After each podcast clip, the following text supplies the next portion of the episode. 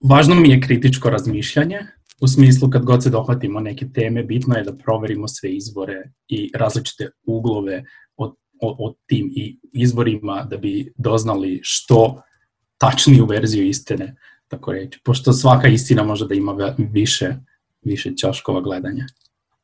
Slušamo Roberta Džuđara, astrofizičara, koji je trenutno na doktorskim studijama u Melbourneu u Australiji. Istražuje evoluciju galaksija koje se nalaze u grupama preko gasa vodonika.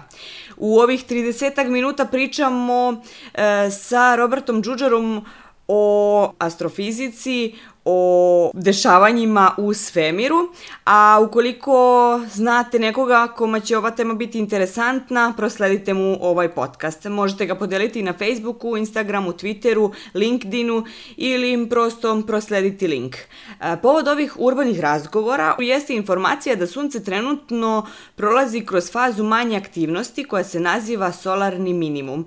E, sunce ima redovne intervale od 11 godina, od vrhunca energetske aktivnosti do minimuma, kada je ono mirnije i kada manje u stvari isijava energiju. Naučnici iz uh, NASA iz Amerike uh, kažu da je sunce sada u fazi nazvanoj veliki solarni minimum, preneo je CNN. Veliki solarni minimum, uh, oni dalje navode, poslednji put se dogodio između 1650. i 1715. godine tada se to zvalo malo ledeno doba. Zime su bile mesecima duže nego inače, veoma hladne, leta kratka, jedva mlaka, padalo je mnogo snega i kiše, žetve i berbe su bile slabe, a glad i bolesti velike. Iz nas su izjavili da trenutni solarni minimum neće dovesti do tog e, malog ledenog doba e, i da je to verovatno zbog klimatskih promena. Roberte, kako funkcioniše sunce, šta je taj solarni minimum i do kakvih posledica on u današnje vreme može da dovede?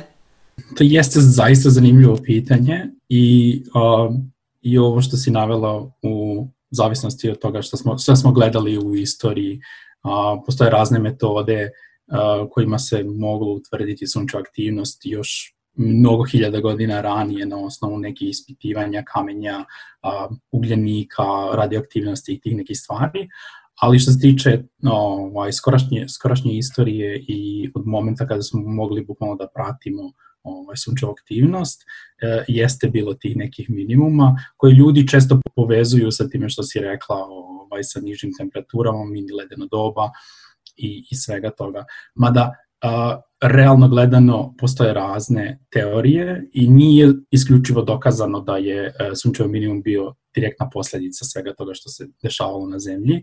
Iako to mini ledeno doba su tako nazvali, mada temperature su bile malo niže od prosečne i nisu to bile neke ekstremne temperature. Ali taj solarni minimum baš u to, u to vreme kada se to dešavalo je trajao možda nekih 30-40 godina, tako nešto, ako nije više, znači bio je duže. Ovo što ovaj, mi trenutno prolazimo je za sada normalni minimum sunčeve aktivnosti. Prošli minimum je bio pre oko 11 godina. Ciklus je otprilike 11 godina, možda bude neka 10-12 varira i tako, takođe i maksimum zračenja kada dođe nekad je veće, nekad manje. Nije, nije to pravilna raspodela. Čak i ako to su ti, ti neki osnovni ciklusi koje znamo, mada ako pratimo, na primjer, neke cikluse kroz druži vremenski period, postoje onda još neke dodatne oscilacije koje nam pokazuju ovaj, neke pravilnosti i nepravilnosti. Ali šta se tu zapravo dešava? Ovaj, a, sunce je zvezda, kao i svaka druga na, na nebu, ne svaka druga, nego prosečna zvezda. I u današnje vreme sunce je negde na sredini svog životnog veka. Ovaj, to znamo zato što koristimo razna posmatranja i razne teorije, modele zvezdane evolucije da bi razumeli o, kako zvezde funkcionišu i koliko njihov životni vek traje. U slučaju Sunca, njegov život, možemo reći u trenutnom nekom stanju kako ga mi poznajemo, je trenutno oko 5 milijardi godina, recimo, staro. I narednih 5 milijardi godina će nastaviti da bude kao što i jeste, sagorevaće vodonik i davaće nam energiju. Mada šta se dešava, uh, jeste, jeste da je to ogromna, ogromna kugla plazme, kako bi rekli, i postoje razni procesi unutra sunca koje se dešavaju i van sunca koje se dešavaju. I zapravo sve te aktivnosti su povezane sa njegovim magnetnim poljima. I šta se tu dešava? Možemo na neki način da zamislimo uh, da sunce, recimo, zamislimo ga kao sunce okolo ništa i onda možemo da zamišljamo te magnetne linije oko njega. Možemo da zamislimo kako da se zapetljaju. I to je upravno to što se dešava na svaki 11 godina, gde se one toliko zapetljaju i onda bukvalno dolazi do flipa magnetnog polja i onda se one otpetljaju. Zato imamo taj non-stop 11. ciklus.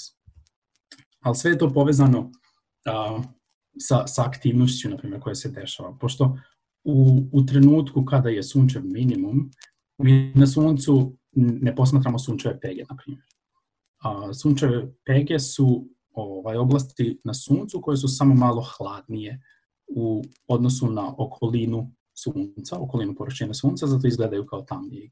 I to se dešava zato što jednostavno materija koja dolazi iz unutrašnjih sunca ne može da stigne do površine zbog koncentracije tih magnetnih polja, bar se tako misli danas. Verovatno, mislim sve to, uh, cela ta teorija i, i, i priča je mnogo komplikovanija, samo gledam ono što, što, što jasnije i što prostije da objasnim, tako da ću verovatno preskočiti mnoge ovaj, mnoge, mnoge, mnoge detalje što se tiče nauke, ali, ovaj, ali to, je, to je jedna od posledica. Sledeća posledica jeste da u, u minimumu nema puno sunčevih protuberanci ili erupcija, ovaj, koje najčešće možemo da vidimo i direktnim okom prilikom posma, pomračenja sunca.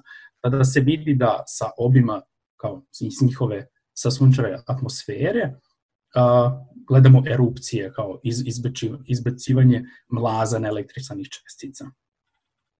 I, ovaj, i, I to se manje dešava. I onda ovaj, kako ljudi, ovaj, i onda kako ide ciklus na jače i jače, onda bukvalno sve više i više pega na suncu postoje, zato što je njegova aktivnost veća tim ovaj, sa, sa tom velikom aktivnošću onda dolazi više tih protuberanca i više tih eh, ek, takozvanih eksplozija na suncu do, do, do kad stignemo do maksimuma njegove aktivnosti. I onda to tako varira non stop. E sad kakve to posledice ima, ima po zemlju? Ovaj, tu, su, m, tu su takozvani razni, a, razni uticaji.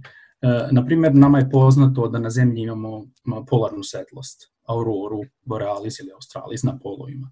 I to je upravo, upravo direktna posledica sunčeve aktivnosti.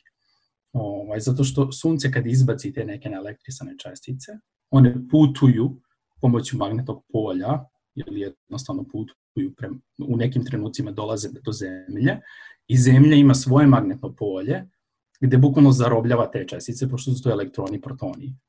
I onda e, to magnetno polje jednostavno uh, pošto i mi na zemlji uh, na, imamo polove, južni i severni pol magnetnog polja i bukvalno te čestice onda putuju do putuju po tim zamišljenim linijama magnetnog polja, sudaraju se sa, sa, sa česticama u našoj atmosferi, znači kiseonik, azot, vodonik, i onda prilikom to, tih sudara tu dolazi do pobuđivanja raznih čestica i one zasvetle. I to, na taj način bukvalno mi vidimo tu auroru.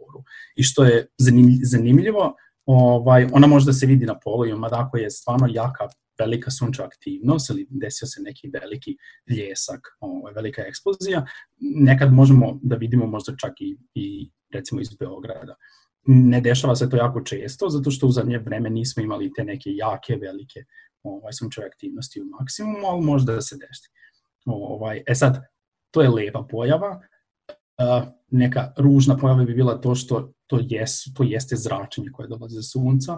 U tim trenucima može da dođe do, do oštećenja radiotehnologije kao što sateliti u orbiti, može čak i, i da bude malo opasnije po ovaj, astronaute koji su u svemirskoj stranici i tako dalje. Tako da postoji plus i minus. Ovaj, I, i na primjer, isto tako, baš, ovaj, baš nedavno su objavili isto, isto istraživanja koliko to ovaj, koliko zračenje utiče, na primjer, na ljudima u avionu. I onda ovaj, tu su radili razna merenja i pravili neke modele uh, i za sada je utvrđeno ako, ako se leti, ne znamo, nekoliko sati na tim uh, visokim letovima od 30.000 ili 40.000 stopa, ovaj, e, dobije se doza zračenja, ali je to i dalje manje nego što bi dobili, na primjer, kad odemo na XA ili kad se negdje skeniramo na, na aerodrom ili tako nešto. Tako da ovaj, te, te doze po, po život čoveka su dosta male. Ovaj. I već si pomenuo da sunce da evoluira, da će biti isto još 5 milijardi godina, šta se dešava posle toga, kako ono funkcioniše, kako evoluira sunce? Da, da. Ovaj, pa, z, z, e, u trenutnom stanju on, sunce sagoreva vodonik. To mu je kao gorivo koje sagoreva i onda ovaj, oslobađa energiju. Mislim, kada kažem sagoreva, tu, tu se odno, odnosi na, na hemijsko-fizičke procese gde se vodonik bukvalno spaja u helijum i otpušta energiju. Tako da kako, kako se recimo vodonik troši, tako imamo sve više i više helijuma ovaj, oko njegovog jezgra i onda u jednom trenutku, pošto sve zavisi od temperature, u trenutnom stanju njegove jezgro ima oko 15 miliona stepeni što je dovoljno za to sagorevanje vodonika, ali je nedovoljno za sagorevanje helijuma. Tako da, kako vreme prolazi, helijum se nagomilava, ali takođe dolazi do procesa da se jezgro malo skuplja, a time kako se jezgro skuplja, onda temperatura raste, pošto pritisak raste.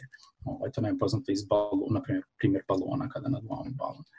E, I onda šta se, šta, šta se zapravo, šta, šta, šta će da se desi za ne znam, nekoliko milijardi godina, jeste to da, pošto uh, postoje kao, ta, ta, to je takozvani, mislim da ga nazivaju uh, mirror process ili proces ogledala, u smislu kako se jezgro polako ovaj, uh, smanjuje, uh, postaje sve uh, toplije i gušće, tako okolne, okolne oblasti, pošto iznad jezgra imamo razne slojeve sunca, tako ti slojevi kao gledalo postaju sve širi zbog održavanja ovaj, gravitacije i pritiska. Tako da vremenom ono što ćemo zapravo budući zemljani, ako, ako nas bude i dalje ovaj, na planeti Zemlji, će videti da, da uh, površina sunca raste. Um, što znači da u trenutku kada dođe do, do momenta uh, crvenog džina, uh, pretpostavlja se da će biti toliko veliko da će bukvalno zemlja da se nađe u njegovoj površini. Znači to je bukvalno kraj zemlje. Ne postoji ovaj, ništa što bi u tom slučaju sprečilo ovaj, sunce da to dođe. I onda kada krene da se goreva helijum, znači dostigne te velike temperature, tada prelazi u stanju, stanje takozvanog crvenog džina. Na nebu danas možemo da vidimo nekoliko crvenih džinova ovaj, okolo. I onda vremenom, posle staze crvenog džina, do, doći će do kako da kažu, ovaj, u smislu planetarne magline, gde bukvalno njegovi spojni slojevi će da se oduvaju u, u prostor i ostaće samo jezgro koji će biti beli patuljak. I onda taj, to jezgro beli patuljak je zaista malo, ovaj, možda nekih hiljada kilometara recimo, tako, mislim trenutno beli patuljici koje posmatramo su nekih hiljada kilometara u prečniku i onda će samo bukvalno da zrače energiju, znači u tom stanju više ne sagoreva ništa, pošto nije dovoljno masivno da krene da sagora sve teže i teže elemente. Sunce nije dovoljno masivno, tako da će svoju život da završi kao uh, veli patuljak, mada postoje zvezde u, u svemiru koje su mnogo masivnije od Sunca i one uspe da prođu tu fazu, znači tu se dešavaju na primjer, supernove, gde znači, dolaze do velikih eksplozija, gde na kraju ovaj, te sunčeve evolucije posle faze belog patuljka može da bude ili, na primjer, neutronska zvezda, što je uh, bukvalno samo ime kaže sačinjeno od samih neutrona koje su jako gusto upakovane i mislim da, da je neka analogija da bukvalno kašičica materije ovaj, neutronske zvezde bi težila nekoliko tona, tako nekako. I onda ako i još više masivno može da dođe da, da dođe do kao krajnje faze zvezdane evolucije, to je crna rupa, gde bukvalno je toliko masivno da se gravitacija uruši sama u sebe. Poznate su nam priče o crnim rupama, ovaj, ništa ne može da pobegne. Iz nje to su bukvalno kao singularnosti u svemiru i to su za sada naj, jedni od najegzotičnijih objekata koje možemo da pokušamo da, da posmatramo u smislu da vidimo efekte koje oni prouzrokuju. Nemoguće je videti crnu rupu, jer same pojam jeste jeste ovaj, da svetlost ne može da pobegne, tako da nema ništa, ali ono što mi zapravo vidimo, na primjer, ovaj, posmatranjem crne rupe u središtu naše galaksije, eh, jeste eh, kretanje zvezda oko te crne rupe. Ovaj, pošto kretanje zvijezda planeta ovaj, se kreće po Keplerovim zakonima, mislim, sve, sve to iz fizike kao Keplerovi Newtonovi zakon gravitacije i tako dalje. Tako da su nama teorije zaista dobro postavljene i možemo bukvalno da posmatramo zvezde kako se kreću oko crne rupe i na osnovu toga vidimo da kad su blizu, onda projure jako brzo i on, upravo zbog te velike gravitacije, velike mase koja ih ovaj, vidi.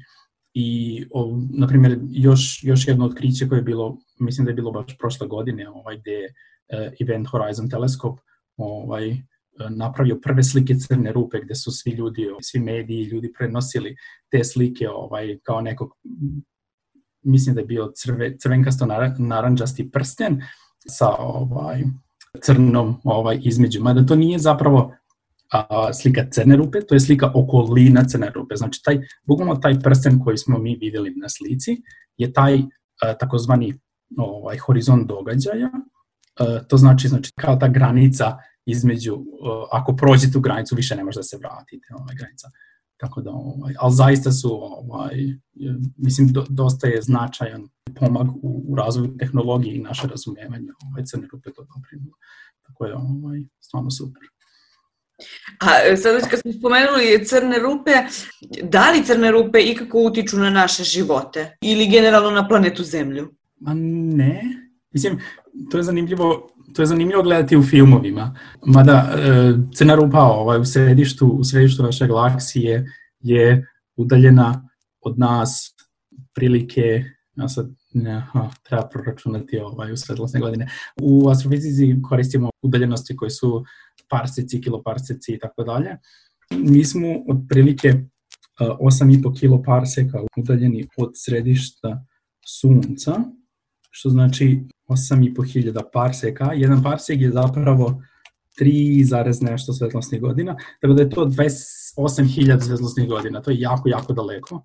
I jednostavno, iako je crna rupa masivna i ima veliku gravitaciju, to je nedovoljno da bi ona uticala na veće razdaljine. Znači ona utiče samo na svoju neposrednu okolinu, zvezde koje su oko nje i to je to. Morala bi crna rupa zaista da bude u jakoj neposrednoj blizini zemlje da bi je, ne znam, ili, ili pojela, kako bi ljudi, ljudi rekli, ovaj, ili jednostavno imala uticaj na, na osnovu e, tipa na vreme, na proticaj vremena, pošto je to naj, najzanimljiviji ovaj, primer ovaj, ne znam, jesi gledali ili su gledalci gledali film Interstellar, ovaj, gde su prikazali ovaj, kad su neki astronauti sletali na planetu koja je bila u blizini crne rupe.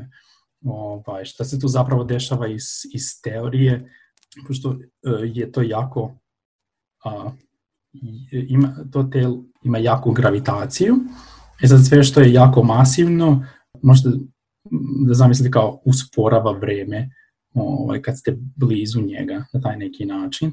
Tako da zapravo ovaj, kada bi ne znam, imali neku crnu rupu ovaj, u blizini zemlje, sa naše perspektive nama bi vreme i dalje isto išlo, a sa perspektive nekog posmatrača iz daljine nas bi videli kao usporenih. Ali zato kažem, mislim, filmovi znaju, umeju to ono, malo lepo da objasne, naravno, progutaju nauku ovaj, šta se sve tu dešava ovaj, zapravo, ali recimo da je, da je to tako nešto. Ali što se tiče ovaj, nekih posledica opasnosti ili nekih blizu a, nekih obližnih sceni grupa ili nešto nema, ovaj, mislim da je veća opasnost ovaj, da neki asteroid udari u zemlju nego, ovaj, nego crna rupa.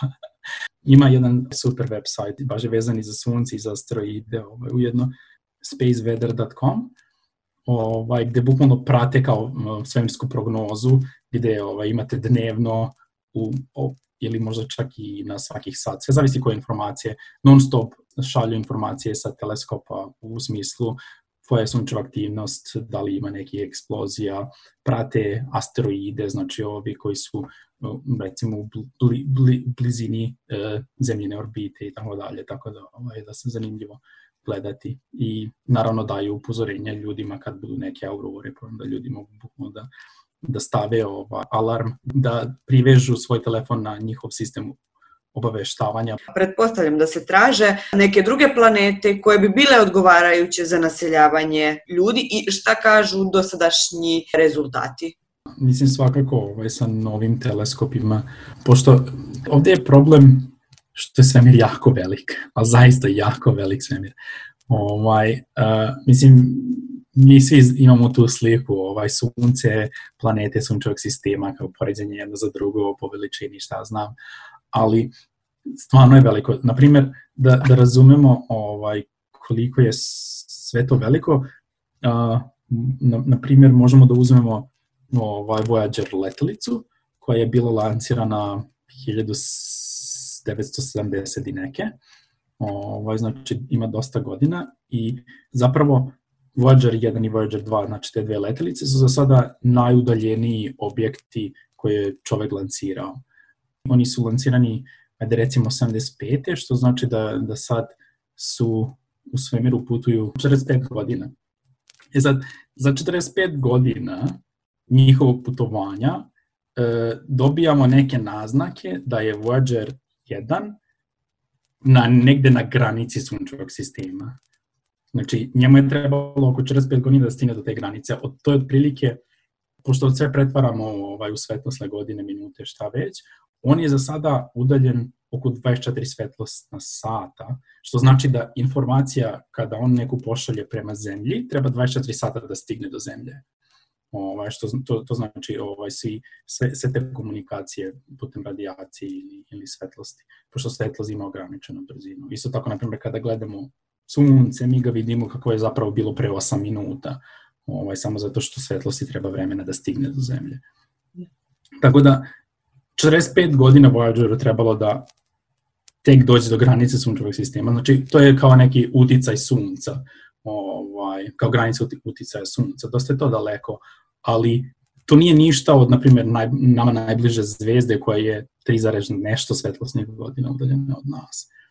Znači, ovaj, potrebno, potrebno su stvarno dosta putovanja. Tako da što se tiče, na primjer, da ljudi idu negde ka drugim planetama, oko drugih zvezda, u trenutnom stanju mi nemamo tu tehnologiju zato što nemamo te brzine koje bi mi mogli. Znači nama treba bukvalno neki ovaj, zvezdane staze, warp pogon ili tako nešto ovaj, iz naučne fantastike da bi, da bi to uspeli, što je, na, mislim, nažalost, ali tako jeste. Tako da ovaj, postoje dva, recimo dve grupe istraživanja, znači jedna istraživanja koja gleda gde, gde bi mogli da stavimo ljude u sunčevom sistemu, znači da li ima, na primjer, ili, ili na Mars, ili na neki satelit oko, oko Jupitera ili Saturna, bukvalno da, da preselimo, to je da kolonizujemo sunčev sistem, što dalje od sunca recimo, ovaj, iako su to pitanje milijarde godina. I, e, a što se tiče ovaj, drugih planeta oko drugih zvezda, ispostavlja se da ih ima puno. Najviše informacija o tim takozvanim vansolarnim planetama je donela letalica Kepler. Mislim da trenutno ima uh, nekoliko hiljada valjda vansolarnih planeta koje su nađena. Postoje različiti tipovi, postoje gasni činovi kao što je naš Jupiter Saturn, to su najčešće, najčešće planete, samo uh, najčešće u, u sadašnjem trenutku zato što nama tehnologija dozvoljava više da vidimo te velike nego te manje, kao što je na primjer Zemlja, mada ovaj, naučnici su našli i planete koje oni označavaju kao slične zemlji. A šta, šta se to znači slične zemlji? uh, upravo iz, iz našeg iskustva. Znači, mi znamo ovaj, da se uh, zemlja nalazi na rastojanju od sunca, gde nam omogućava da imamo vodu u tečnom i čvrstom stanju. Znači, to su te neke osnove koje mi tražimo, pošto tražimo uslove kao što mi imamo ovde na zemlji. To naučnici zovu kao habitabilna zona, ovaj, zona gde je moguć život kako ga mi poznajemo. Ima i tu nekih kandidata, naravno, ovaj, jedan kandidat se ne, mislim, do sada se nije ispostavilo da je bukvalno ista kopija zemlje. Uvek bude, ili je sunce drugačije, pa je pitanje da li, da li je veća aktivnost, manja aktivnost uh, i koliki taj, taj utjecaj ima na bukvalno razvoj neke civilizacije. Ovaj, a kad smo već kod, kod toga, ovaj, baš su nedavno ovaj, objavili neke člankove gde su ispitivali razne a, pretpostavke teorije o tome da li postoje civilizacije u, u, u našem mlečnom putu ili ne, to je vanzemaljci. Uh, I tu postoje razne metode i to su upravo, upravo te neke igre verovatnoća. Znači, vi proračunavate sad, ne znam, koja je verovatnoća da od svih zvezda u našem mlečnom putu zvezda ima planete, pa koja je verovatnoća da ta planeta bude pogodna za život, pa onda koja je verovatnoća da na toj planeti je bio dovoljno dug period da bi se razvio neki život i razvila tehnologija i tako dalje i tako dalje. I ovaj, oni su objavili brojku 36, što je zanimljivo. Kao ni manje više nego 36.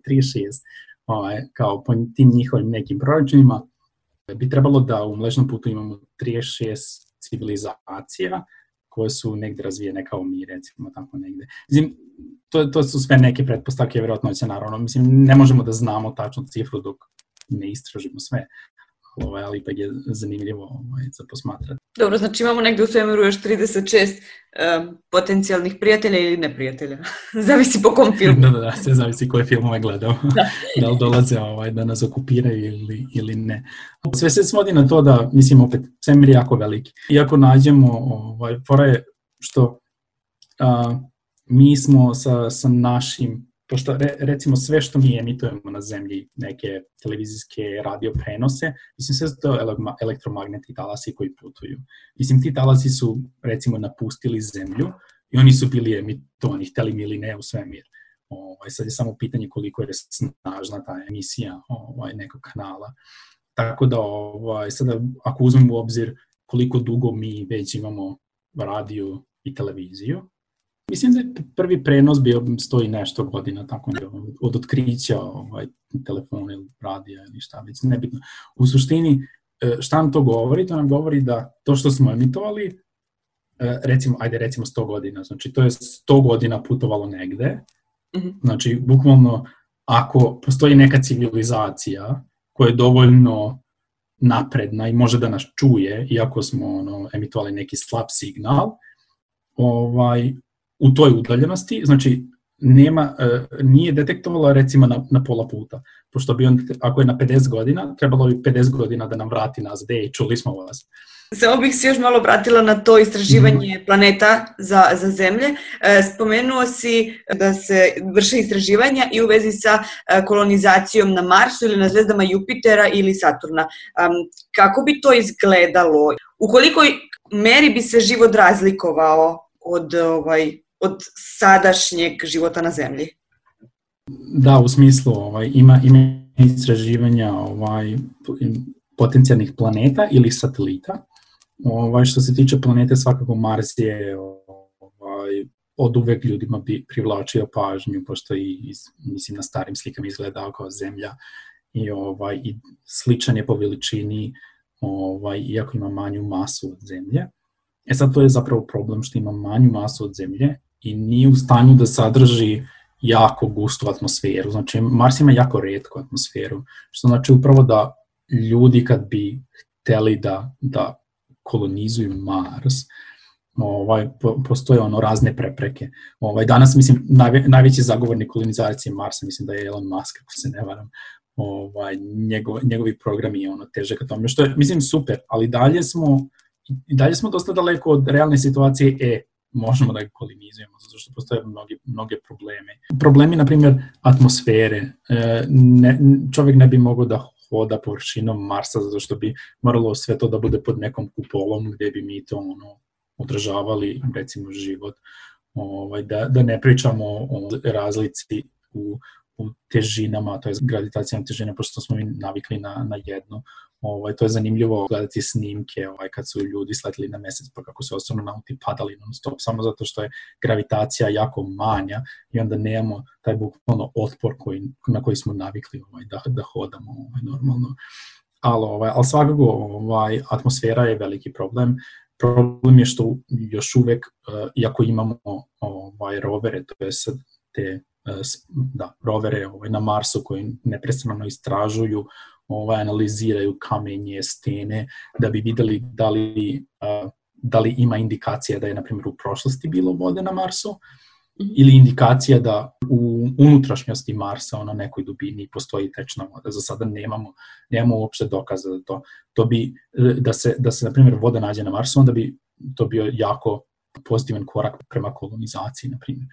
Ali opet, E, o, s, s jedne strane, s druge strane se opet postavlja pitanje ovaj, kao, postoje odeljenje kao etike u smislu da li mi smemo, ako, ako najđemo na vodu ili na neki život na nekoj planeti, da li, da li je etički da mi odemo tamo i sve to zarazimo našim prispustom. Mislim da, da bukvalno ovaj, njima skrenemo evoluciju ili nešto. Sve je to dosta komplikovano. Ali Ove, ali što se tiče Marsa, ovaj, evo, ne, ne, neki ovaj, naučnici i neke institucije veruju da će to biti moguće. Opet, treba, za, treba, treba nam zaštita od, od zračenja, radijacije. Mi, mi super što na Zemlji imamo ovaj, dosta jako magnetno polje, imamo jako atmosferu, što bukvalno sprećava sve te neelektrisane čestice kao kosmičko zračenje ili neka velika eksplozija na Suncu da bukvalno padne na Zemlju i sprži sve, što na Marsu ne, ne postoji. Znači, sve to, sve to nam imamo, tako da ovaj, veliki su koraci ka tome.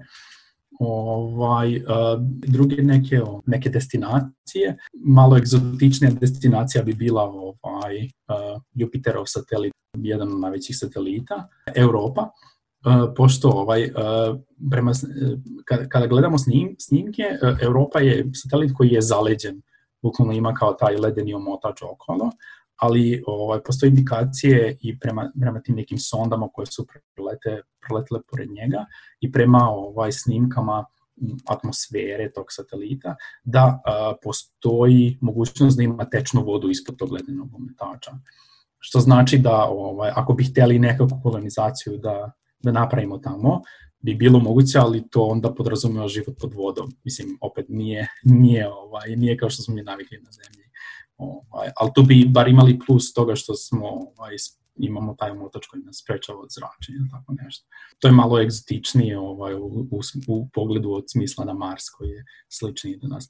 I ovaj, imam još jedno mesto u sunčanom sistemu, na primjer, to je a, satelit Titan koji kruži oko Saturna i to što je zanimljivo vezano za Titan jeste što ovaj, je bila misija Cassini-Huygens.